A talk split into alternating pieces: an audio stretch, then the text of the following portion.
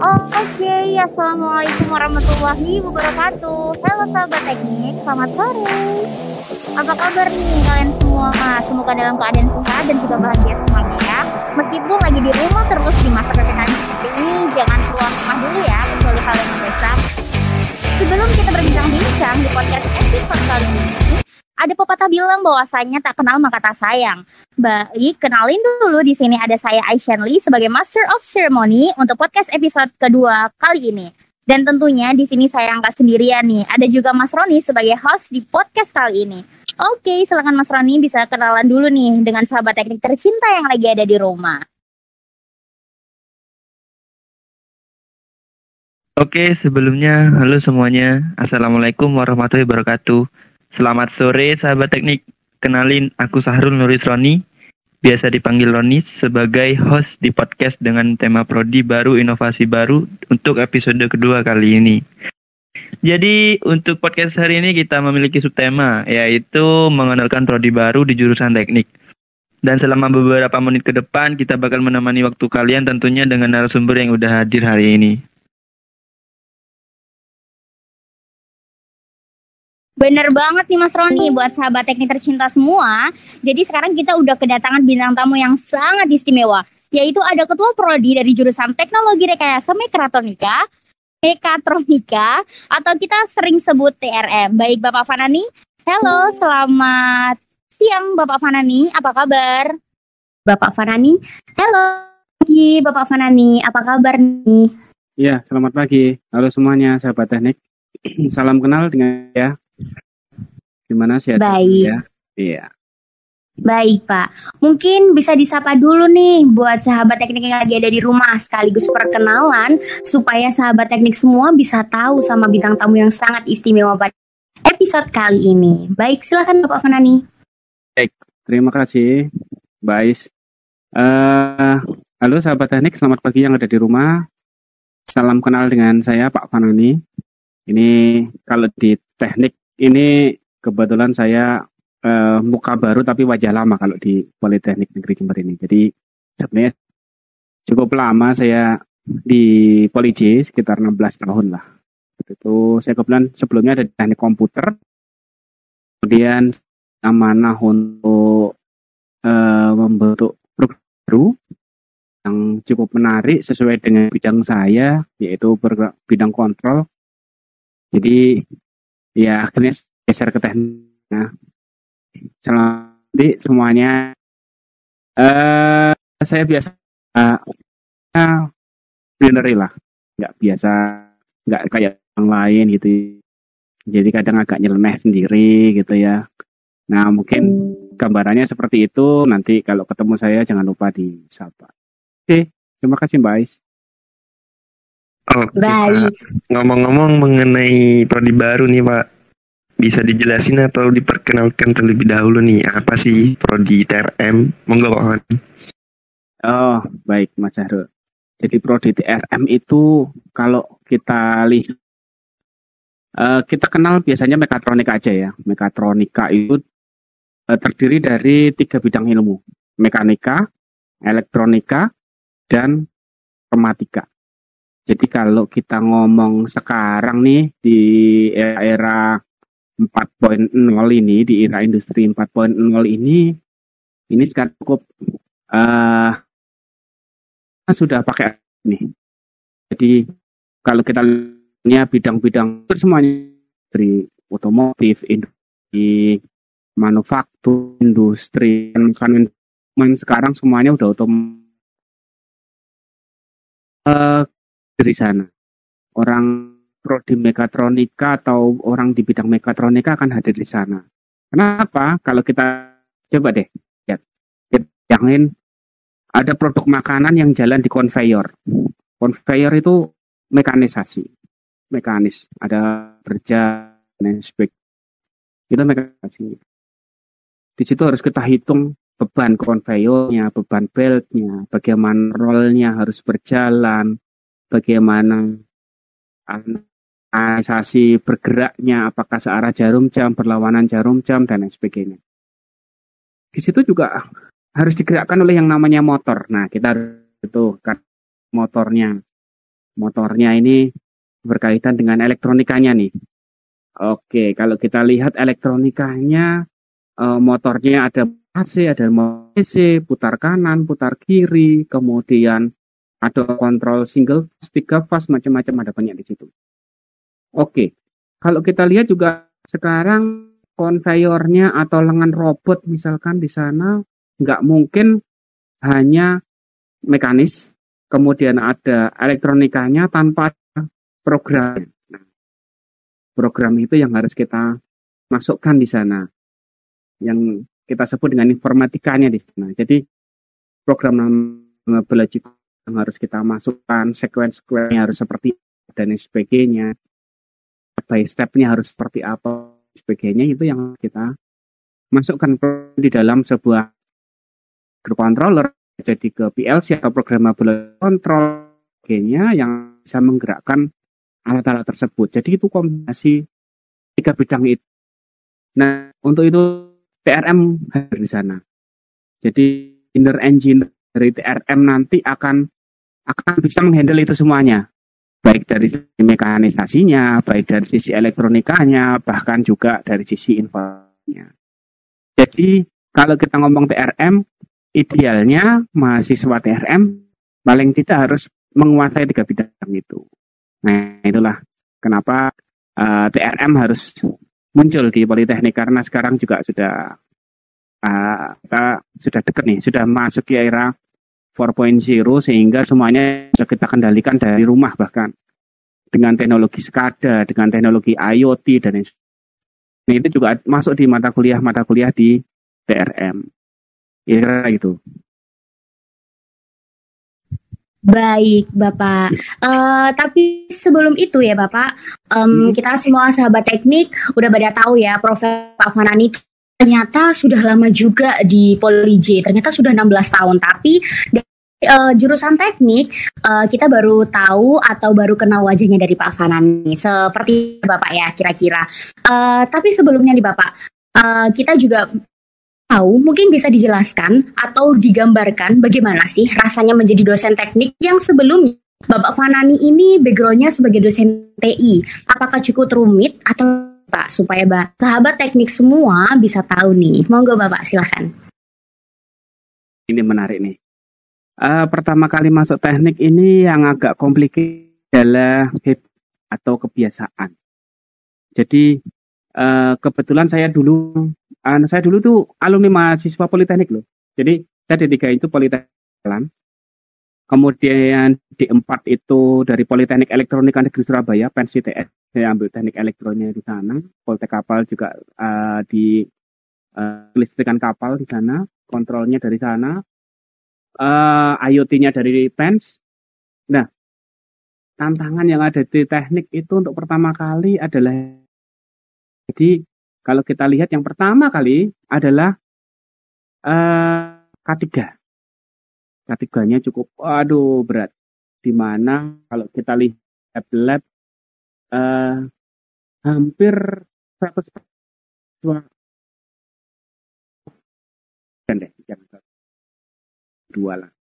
90 persen itu tidak menggunakan APD yang baik dan benar.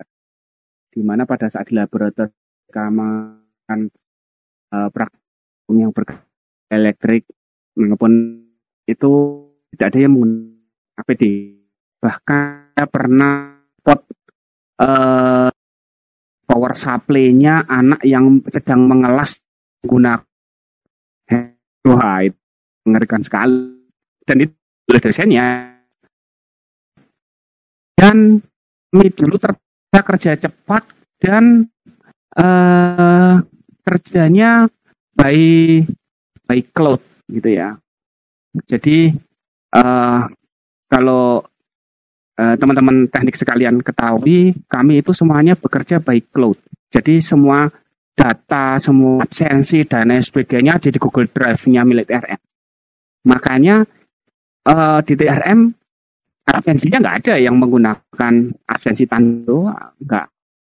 Arif, karena dari dulu ini sudah menggunakan sistem yang yang terkompetisi gitu loh dan itu mudah dan cepat gitu.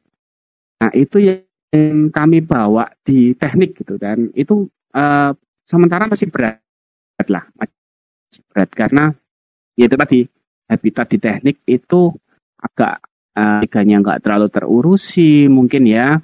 Kemudian semua file itu kadang juga masih amburadul dan lain sebagainya sehingga pada saat kita mencari-cari file data mahasiswa dan lain sebagainya nah itu agak agak sulit. Itu yang mau kita rubah.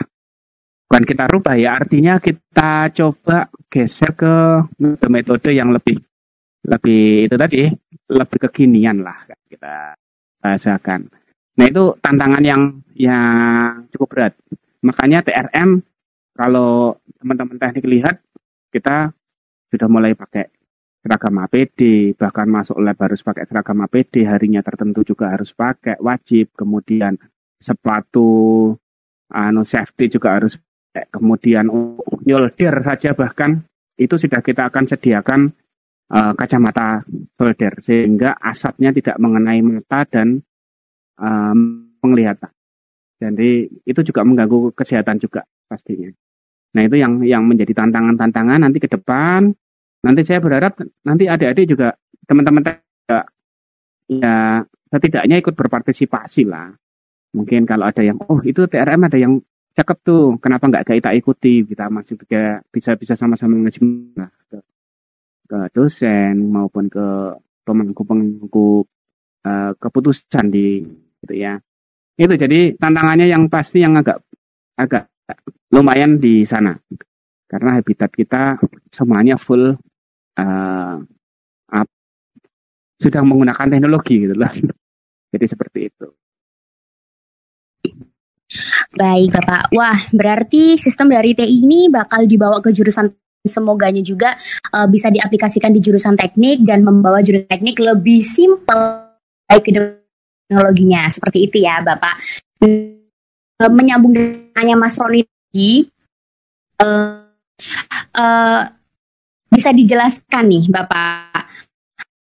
Uh, sekarang ini latar belakangnya terhadap prodi TRM di Poliji itu bagaimana? Monggo bisa dijelasin ke sahabat teknik semua yang ada di rumah. Tahu nih, oh latar belakangnya TRM tuh seperti ini ternyata, seperti itu Bapak. Monggo. Baik, uh, ini saya udah sedikit singgung. Sekarang itu teknologinya sudah teknologi 4.0 poin zero di mana semuanya bisa dikendalikan dari rumah gitu ya. Kalau teknologi uh, uh, teknologi 2.0 itu di mana semuanya mekanisasinya sudah dilakukan oleh mesin. Kemudian uh, empat itu semuanya bisa dikendalikan oleh smartphone. Semuanya harus sebagainya. Tantangannya itu harus dijawab juga oleh politeknik. Karena harus dijawab juga oleh Politeknik di mana kalau tidak membuka program studi yang yang menjawab itu semuanya itu Politeknik negeri akan ketinggalan. Sehingga uh, eh, TM itu harus nah, lahir di di Politeknik Negeri Jember untuk menjawab tantangan-tantangan itu. Karena coba kita bayangin semua bidang lah semua bidang.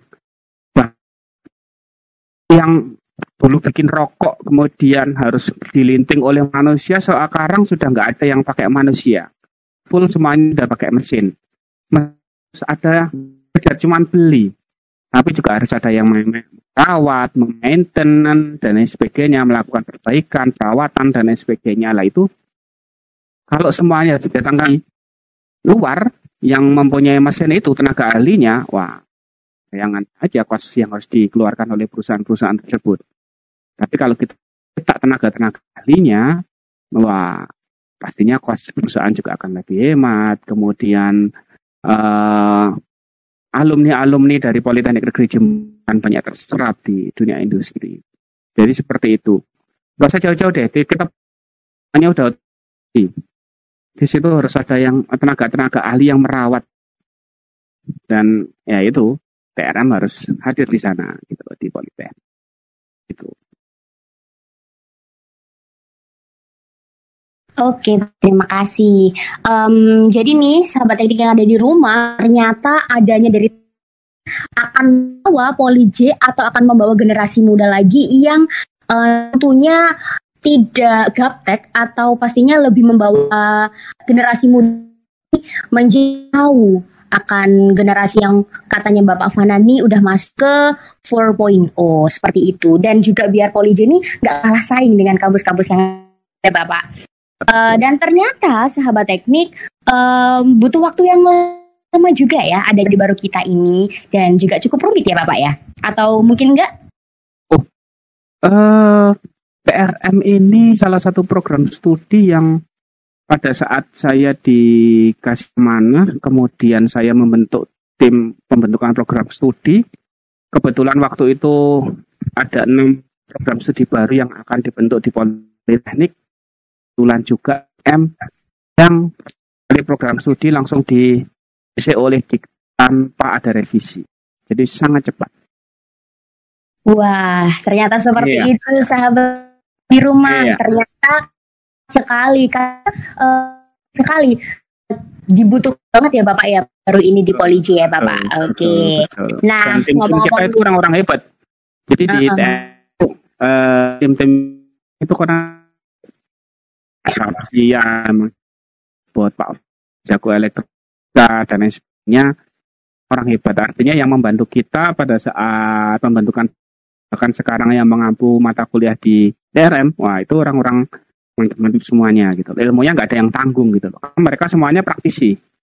Hmm, semuanya praktisi. Ya. Iya. Nah, ngomong-ngomong mengenai prodi baru TRM tercinta nih Bapak Fanani, sendiri ya. apakah ada inovasi apa sih yang ingin diwujudkan atau yang diingin dari prodi baru jurusan teknik ini?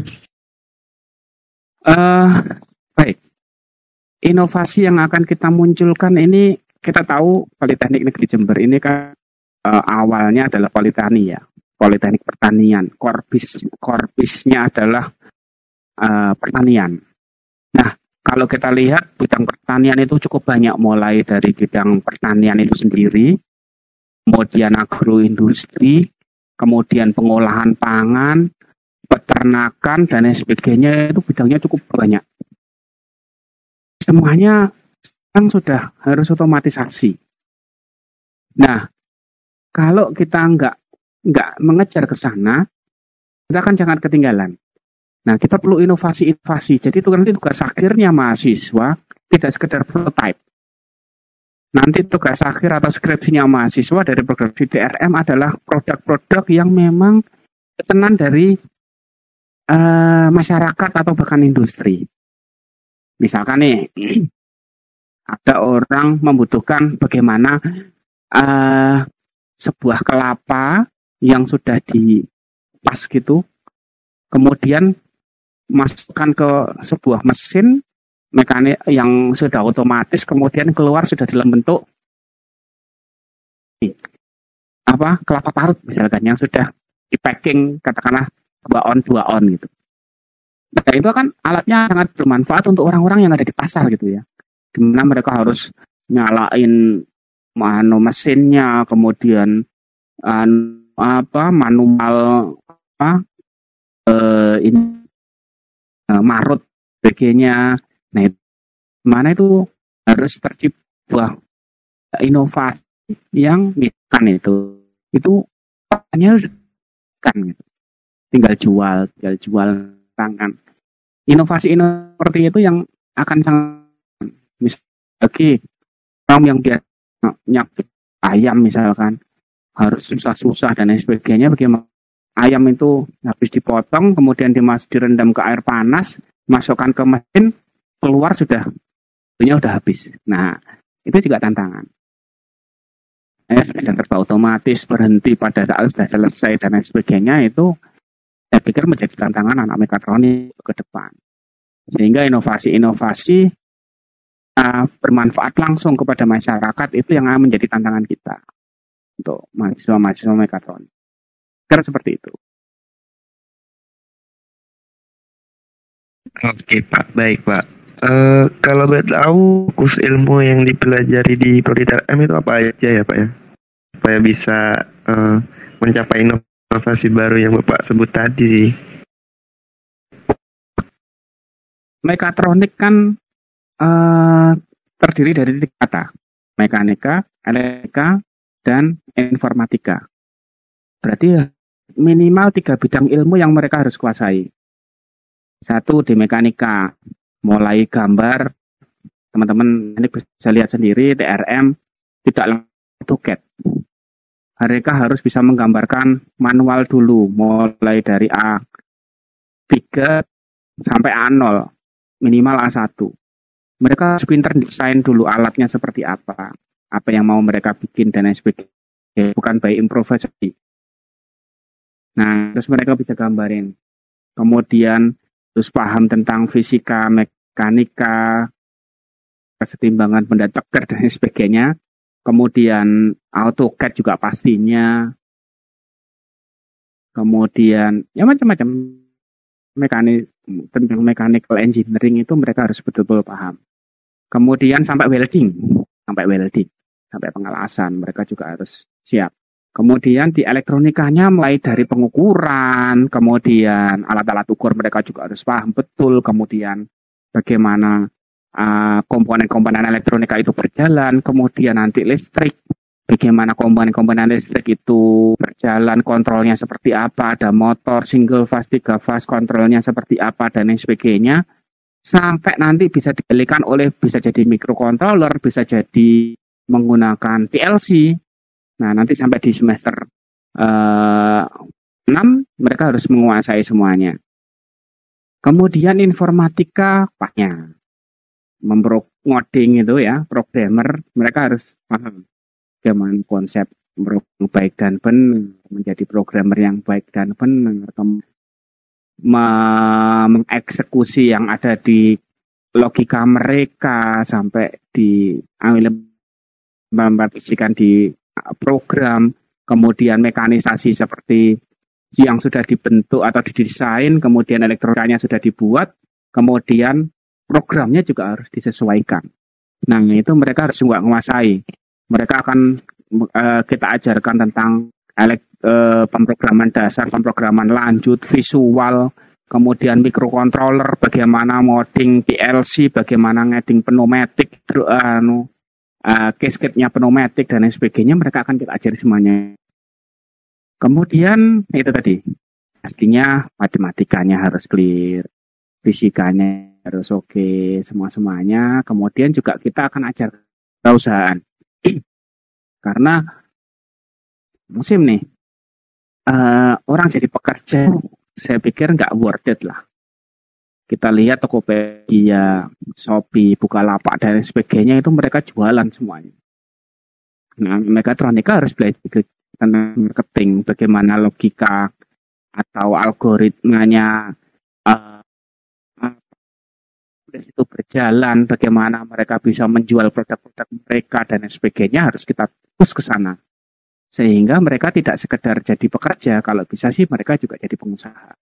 Ya minimal minimal pengusaha apa bengkel las tapi dengan sudah terkontrol otomatisasi dan sebagainya, saya pikir itu lebih worth it daripada mereka hanya cuma jadi pekerja di perusahaan.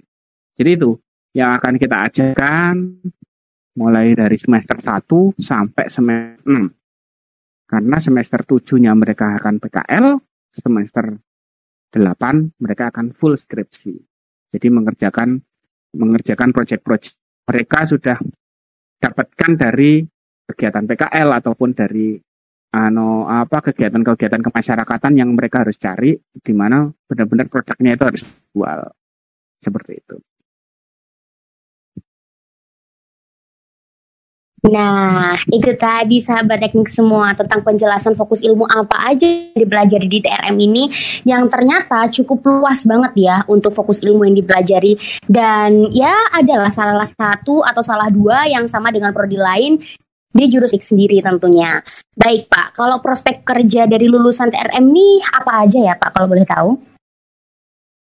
Uh, pastinya semua industri yang membutuhkan otomasi hampir semuanya manufaktur yang membutuhkan otomasi itu pasti akan bisa menyerap dari mahasiswa TRM. Kemudian mereka juga bisa buka bengkel, kemudian mereka bisa buka ano apa eh general kontraktor dan lain sebagainya dan uh, kita juga akan dorong mereka untuk membuat perusahaan sendiri. Kayak sekarang ini misalkan di TRM itu kita sudah punya yang namanya CV namanya KCM. Itu nanti jadi ini dicek factory-nya mereka nih, gitu ya. Jadi ada CV yang namanya KCM, Karya Cipta Mekatronika. Kita sudah ada tuh. Direkturnya siapa? Direkturnya adalah teknisi dari TRM itu sendiri ada Mas Robi, kemudian wakil direkturnya ada Mas Rofiki, kemudian bendaranya ada Mbak Grifma itu kita dorong ke sana hingga kita akan tunjukkan bahwa ma uh, mahasiswa tidak sekedar bisa mencari kerja tapi juga bisa membuat perusahaan sendiri gitu. Jadi kalau ditanya kerja di mana, maaf saya nggak kerja. Lalu terus saya punya perusahaan. Nah ini ini itu yang sekarang lagi akan menjadi tren. UMKM, bikin usaha dan sendiri dan lain sebagainya, saya, itu lebih worth it.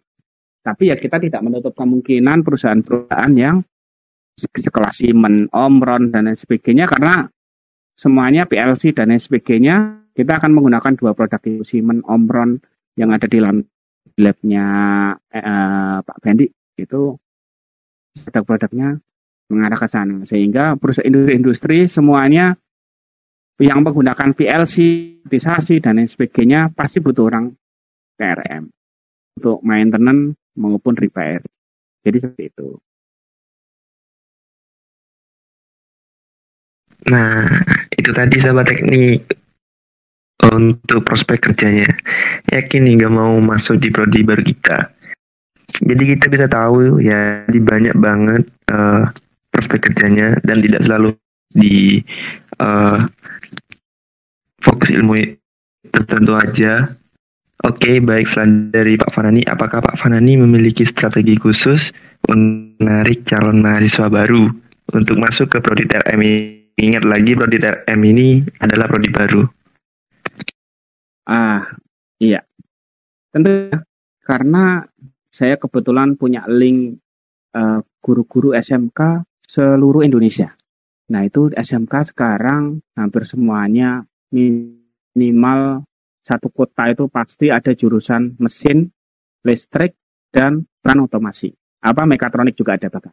Nah, guru-guru itu yang kemudian uh, infokan bahwa murid nanti kalau uh, apa maksud katronik kan akan mendapatkan uh, lebih seperti yang saya jelaskan tadi mendapatkan nilainya. Kemudian yang dua mereka akan bisa SMK tidak hanya selesai dan saja mereka melanjutkan kuliah sampai di sarjana. Nah, itu yang selalu kita uh, infokan ke teman-teman guru-guru di, di seluruh Indonesia bahkan. Makanya kalau teman-teman teknik lihat, angkatan pertama kita sudah mendapatkan 72 mahasiswa. Angkatan kedua ini kita udah dapat 74 kalau tidak salah kemarin itu. Itu belum yang jalur mandiri. Jadi dari kuota kita 110 kita sudah dapat sebanyak itu. Tentunya ya itu tadi dengan dengan uh, menggait teman-teman guru, teman-teman BK di semua semua SMK. Memang untuk tahun ini dan tahun itu belum bisa yang bidik misi. Tapi KIP sudah bisa dipakai. Tapi nanti insya Allah akhir tahun ini kita akan mengajukan akreditasi sehingga uh, adik-adik dari SMK maupun SMA, MA, bahkan paket C itu nanti sudah bisa menggunakan uh, eh, KIP untuk misi di tahun depan. Sehingga itu lagi yang dapat menarik mahasiswa uh, atau siswa-siswa SMK, SMA, madrasah aliyah, bahkan paket C untuk bisa masuk ke PRN. Itu strategi-strategi yang kita gunakan. Baik, Pak. Jadi ini sahabat teknik, memang diperlukan effort yang sangat besar atau strategi yang menarik ya Pak, agar para mahasiswa baru ini tergerak masuk di prodi baru kita tercinta ini. Baik Pak, tadi ya. kan Bapak sudah menjelaskan strategi apa agar para mahasiswa tertarik masuk prodi baru. Nah, pertanyaan Iya. terakhir nih, bisa Bapak kasih tahu untuk sahabat teknik di rumah apa pesan atau motivasi dari Pak Fanani sendiri untuk calon mahasiswa baru di luar sana dan juga untuk mahasiswa TRM sendiri agar yakin dan juga agar yakin pada prodi TRM ini sendiri dan ya agar mereka merasa tidak salah memilih prodi atau jurusan nih. Kenapa saya bilang seperti itu? Karena dulu saya juga pernah terbesit atau pernah merasa salah masuk prodi aja nih Bapak. Nah, monggo Bapak Fanani. Iya. Untuk eh, calon mahasiswa maupun eh, seluruh mahasiswa TRM eh, yang saya pastikan begini. Tidak ada perguruan tinggi mana pun yang menjamin nanti Anda setelah lulus itu pasti dapat kerjaan. Itu tidak ada. Yang menjamin eh, Anda dapat bekerja, kemudian cepat dapat eh, pekerjaan baru dan lain sebagainya itu ya pastinya diri Anda sendiri, bukan perguruan tingginya. TRM akan menyediakan fasilitas-fasilitas dan dosen-dosen yang eh, semuanya under control. Mulai dari materinya, RPS-nya, BKPM-nya, kemudian eh, bahkan nanti tugas-tugas akhirnya atau skripsinya akan semuanya kita kontrol, quality control setiap semester itu agar sesuai dengan eh, standar industri yang eh, kekinian. Itu yang akan saya jamin selama saya menjadi KPS-nya. Kemudian eh, alat-alat kita sudah mulai karena memang kita koperasi baru ya, tapi ya, jangan khawatir alat-alat sudah mulai mulai ya apa cukup mumpuni. Dulu lab gambar yang bekas sekarang sudah baru semuanya. Kemudian dulu yang workshop di TET di bawah itu yang awalnya jadi gudang semuanya sudah bisa jadi workshop semuanya. Tinggal tunggu mesin las sama mesin eh, sama beberapa panel elektrik elektrik yang nanti motor dan lain sebagainya nanti akan ada di sana. Kemudian di lab atas lab elektronika, kontrol dan lain sebagainya yang akan pada saat Anda masuk ke sini jangan khawatir nanti Anda sudah akan mendapatkan eh, peralatan-peralatan yang cukup mumpuni untuk mendukung kegiatan belajar mengajar yang ada di TRM. Sehingga saya pastikan bahwa capaian kompetensinya eh, sesuai atau sesuai dengan yang kita inginkan, sesuai dengan yang kita tuliskan di CPL, capaian pembelajaran ada cap, eh, cap, eh, kompetensi capaian kompetensi lulusan seperti itu. Jadi kita akan kita akan push, kita akan eh, kontrol terus sampai benar-benar kita kawal sampai selesai mahasiswa eh, wisuda. Jadi itu garansi kita pada saat teman-teman eh, masuk menjadi mahasiswa PRM, ya. Jadi yang kurang sesuai dan lain sebagainya kita akan sangat menerima komplain, saran, masukan dan lain sebagainya yang sifatnya nggak berarti kami tidak akan uh, uh, bernilai dan lain sebagainya. Ini pastikan. Jadi gambaran maksudnya seperti itu, di uh, mahasiswa itu nyaman gitu ya, nyaman ada di sana. Kemudian uh, yang kita lihat saja untuk yang pertama kali pada saat angkatan pertama bandingkan di prodi-prodi yang sudah ada TRM kalau kita lihat sudah agak berbeda nih, ya kan? Seragamisasi, ya kan? Kemudian sepatunya sudah pakai safety semuanya. Absensi sudah pakai eh, RFID semuanya dan lain sebagainya. Itu salah satu bentuk komitmen kami untuk mencetak mahasiswa-mahasiswa TRM menjadi manusia-manusia yang unggul, yang siap dipakai oleh semuanya perusahaan dan lain sebagainya. Nah itu yang yang akan selalu kita jaga seperti itu. Jadi uh, jangan khawatir, jangan uh, apa ya, jangan bimbang, langsung saja masuk TRM karena kita pastikan semuanya masuk dan keluar, insya Allah tepat waktu seperti itu. Nah, itu tadi sobat teknik pesan atau motivasi yang uh, disampaikan oleh Pak Fanani yang diberikan untuk mahasiswa baru dan juga terutama untuk mahasiswa TRM sendiri. Uh, Oke okay, Pak, ngomongin tentang prodi baru TRM. Biasanya setiap prodi itu memiliki hima prodi masing-masing nih Pak. Nah, mengingat lagi TRM ini jurusan baru uh, dan belum memiliki hima prodi. Baik dari Pak Fanani sendiri, apakah ingin mencetus hima prodi tahun ini juga? Atau jangan-jangan Pak Fanani juga udah punya nama nih untuk Hima Prodi TRM sendiri? Bagaimana Pak? Ah, begini. Uh, kami selalu memberikan motivasi ke mahasiswa bahwa yang namanya himpunan itu penting. Tapi sekali lagi kita harus profesional juga di mana uh, program studi atau dosen, entah itu KPS maupun dosen-dosen pengampu mata kuliah itu se sebaiknya tidak terlalu cawe-cawe atau turut campur di kegiatan mahasiswa terlalu dalam. Kenapa? Biar mahasiswa juga bisa mandiri, kemudian juga biar mahasiswa punya uh, inovasi-inovasi uh, sendiri dan lain sebagainya. Saya lihat kemarin yang saya dengar sih mahasiswa tanya-tanya aja dulu mungkin atau saya nggak tahu apakah mungkin sudah terbentuk juga IMA prodinya, mereka juga ingin membuat IMA prodi sendiri.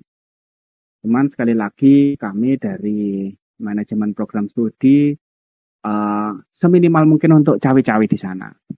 Kenapa? Ya itu tadi, biar mahasiswa bisa berpikir mandiri, biar punya inovasi-inovasi sendiri tanpa harus kita arahkan ke sini, ke situ, dan sebagainya, sehingga mahasiswa itu bisa memahami mana yang uh, baik dan mana yang kurang baik. Seperti hmm. kita nggak boleh mencampurkan antara uh, ini organisasi mahasiswa dengan program studi karena cukup berbeda. Program studi adalah memastikan bahwa uh, kegiatan belajar mengajar di uh, program studi itu running well. Jadi kalau himpunan itu memastikan anggota himpunan di dalam program studi itu memiliki wadah, mereka bisa berkomunikasi, dan lain sebagainya.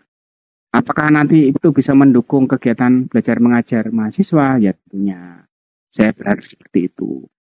Jadi kami tidak akan uh, terlalu banyak ikut campur lah. Seperti itu. Tapi kalau kami ditanya tentang uh, konsep himpunan, konsep organisasi mahasiswa dan lain sebagainya ya kami akan jawab karena kebetulan saya juga dulu sekretaris himpunan di uh, Kapal seperti itu. Jadi uh, kalau sharing boleh, tapi kalau incas saya pikir juga enggak enggak bisa seperti itu. Kami uh, untuk saya pribadi saya tidak terlalu terbiasa seperti itu karena dulu kami waktu di ITS pun juga seperti itu. Ya urusan kuliah kuliah, urusan organisasi himpunan ya udah himpunan nggak ada urusannya dengan uh, dosen dan sebagainya seperti itu.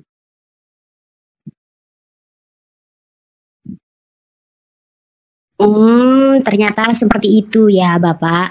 Um, dan seperti gini aja deh, uh, pastinya nanti ke depannya pasti bakal ada hima prodi seperti itu ya Bapak ya? Pastinya pasti akan ada tuh. Hmm. si siapa kemarin Nani, Putri dan lain sebagainya kayaknya sudah sounding-sounding mau bikin himpunan. Cuman hmm. apa apakah sudah jalan atau tidak dan lain sebagainya kami uh, tidak bisa uh, memastikan itu. Kenapa? Karena begini. Secara organisasi di Politeknik ya, itu kalau himpunan di bawah jurusan itu yang diakui oleh Politeknik. Ya, jadi organisasi yang di dalam naungan jurusan itu adalah HMC. Itu semua HMC yang ada di Politeknik itu akan dikelola oleh Wadir 3 dan itu resmi pastinya. Sedangkan himpunan yang ada di dalam program studi bukannya tidak resmi. Mungkin mereka juga punya ADRT juga. Cuman itu secara kelembagaan di Politeknik kan tidak di tidak diakui. Sehingga itu akhirnya kami pun juga tidak boleh terlalu masuk ke dalam. Sebagai ano warga jurusan dosen maupun KPS dan lain sebagainya itu gak boleh masuk. Kecuali kalau misalkan saya ketua jurusan nah itu baru boleh secara organisasi karena yang no, diizinkan untuk menjadi ini apa eh, pembina ya, pembina himpunan itu adalah kajur secara otomatis. Sehingga kajur boleh in charge di sana. Tapi karena kapasitas saya hanya program studi KPS, jadi uh, secara organisasi teritori nggak boleh. Jadi seperti itu gambarannya. Tapi Hmm. insya Allah pasti ada, insya Allah pasti ada. Iya, iya. Oke, Bapak. Nah, bagi sahabat teknik, ternyata memang belum ada ya untuk Hima Prodi di tahun ini dan semoga secepatnya eh, kita bisa merintis Hima Prodi baru dan semoga bisa menyusul dengan proker-proker yang sangat luar biasa yang tentunya bisa membangun Prodi TRM ke depannya lebih baik lagi. Seperti itu ya, Bapak. Oke, penutup, mungkin ada statement aktivasi buat kita semua untuk entah itu mengenai organisasi organisasi ke depan, karakter atau perkuliahan. Gak apa-apa nih Bapak Fanani. Uh, mahasiswa TRM-nya dan yang sebentar lagi bakal ada mahasiswa baru. Bapak. Oke, terima kasih Mbak. Eh, motivasi yang pertama karena kita ada di naungannya adalah jurusan teknik, orang engineering yang harus pertama didulukan adalah safety, keamanan.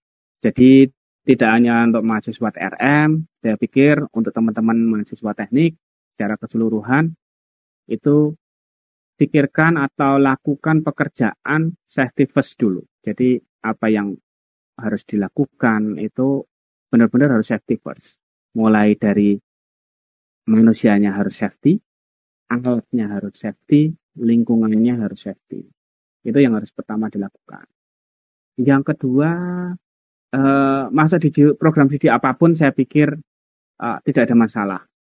Karena kita sudah ada di naungan jurusan teknik, saya pikir teman-teman di jurusan apa pun, hmm, TRM juga bisa tanya-tanya expert atau dosen-dosen yang ada di program studi TET maupun MOT, MOT maupun TET juga bisa tanya-tanya di dosen-dosen di TRM. Karena memang kita masih sudah sekarang sudah satu keluarga. Jadi konsepnya nggak boleh terkotak-kotak. Jadi konsep berpikirnya sudah harus mulai komprehensif, berpikir secara keseluruhan bahwa oh ya ini jurusan teknik. Siapa yang expert di bidang apa kita harus tanyai. Misalkan nih, eh, kebetulan saya misalkan expert di bidang eh, aerodinamika, aeromodeling, kontrol misalkan. Teman-teman TET, MOT juga bisa nanya, sensornya pakai apa, ininya kontrolnya pakai apa, mikronya pakai apa dan sebagainya bisa sehingga membuka peluang eh, semua jurusan teknik atau mahasiswa jurusan teknik itu bisa menciptakan produk-produk yang yang eh, lebih menarik juga canggih gitu tidak hanya dari TRM aja gitu. semuanya bisa dari TEP bisa dari MOT juga bisa dari TRM jadi selalu kalau bisa ada himpunan, ada naungan himpunan di sana dan lain sebagainya. Walaupun mungkin nanti TRM sudah punya himpunan sendiri, saya pikir jangan sampai terkotak-kotak. Itu nggak menarik.